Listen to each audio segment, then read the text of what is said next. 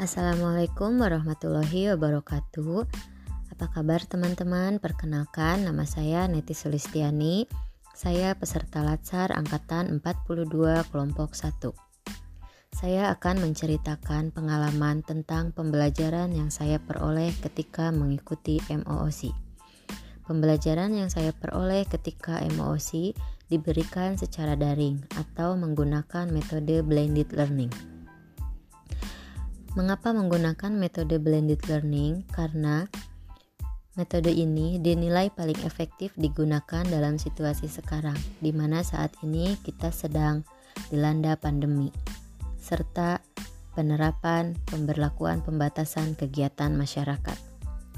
Meskipun kegiatan ini dilaksanakan dengan tidak melaksanakan pertemuan tatap muka, namun kita masih dapat menyerap materi yang diberikan oleh mentor secara daring dengan sangat jelas.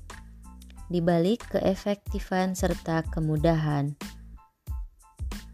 hal tersebut masih ada kendala yang dialami terkait dengan akses jaringan yang kurang stabil. Secara keseluruhan, kegiatan ini berjalan dengan lancar serta mampu dilaksanakan dengan penuh tanggung jawab.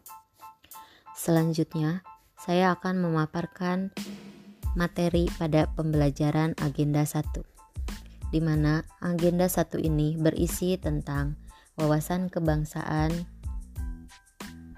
dan nilai-nilai bela negara, analisis isu kontemporer, dan kesiapsiagaan bela negara.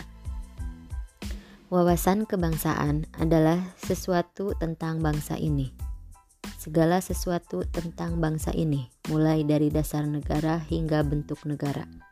Dasar negara adalah Pancasila dan bentuk negara adalah Negara Kesatuan Republik Indonesia.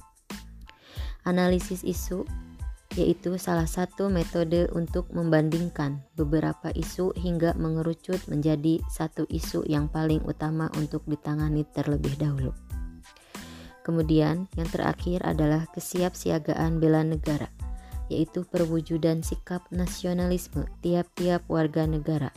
Perwujudan ini bukan berarti melaksanakan perjuangan fisik seperti pejuang terdahulu, tetapi pengabdian setiap warga negara kepada profesinya untuk membangun bangsa, seperti dokter, guru, atau pegawai negeri sipil untuk melayani masyarakat dengan baik.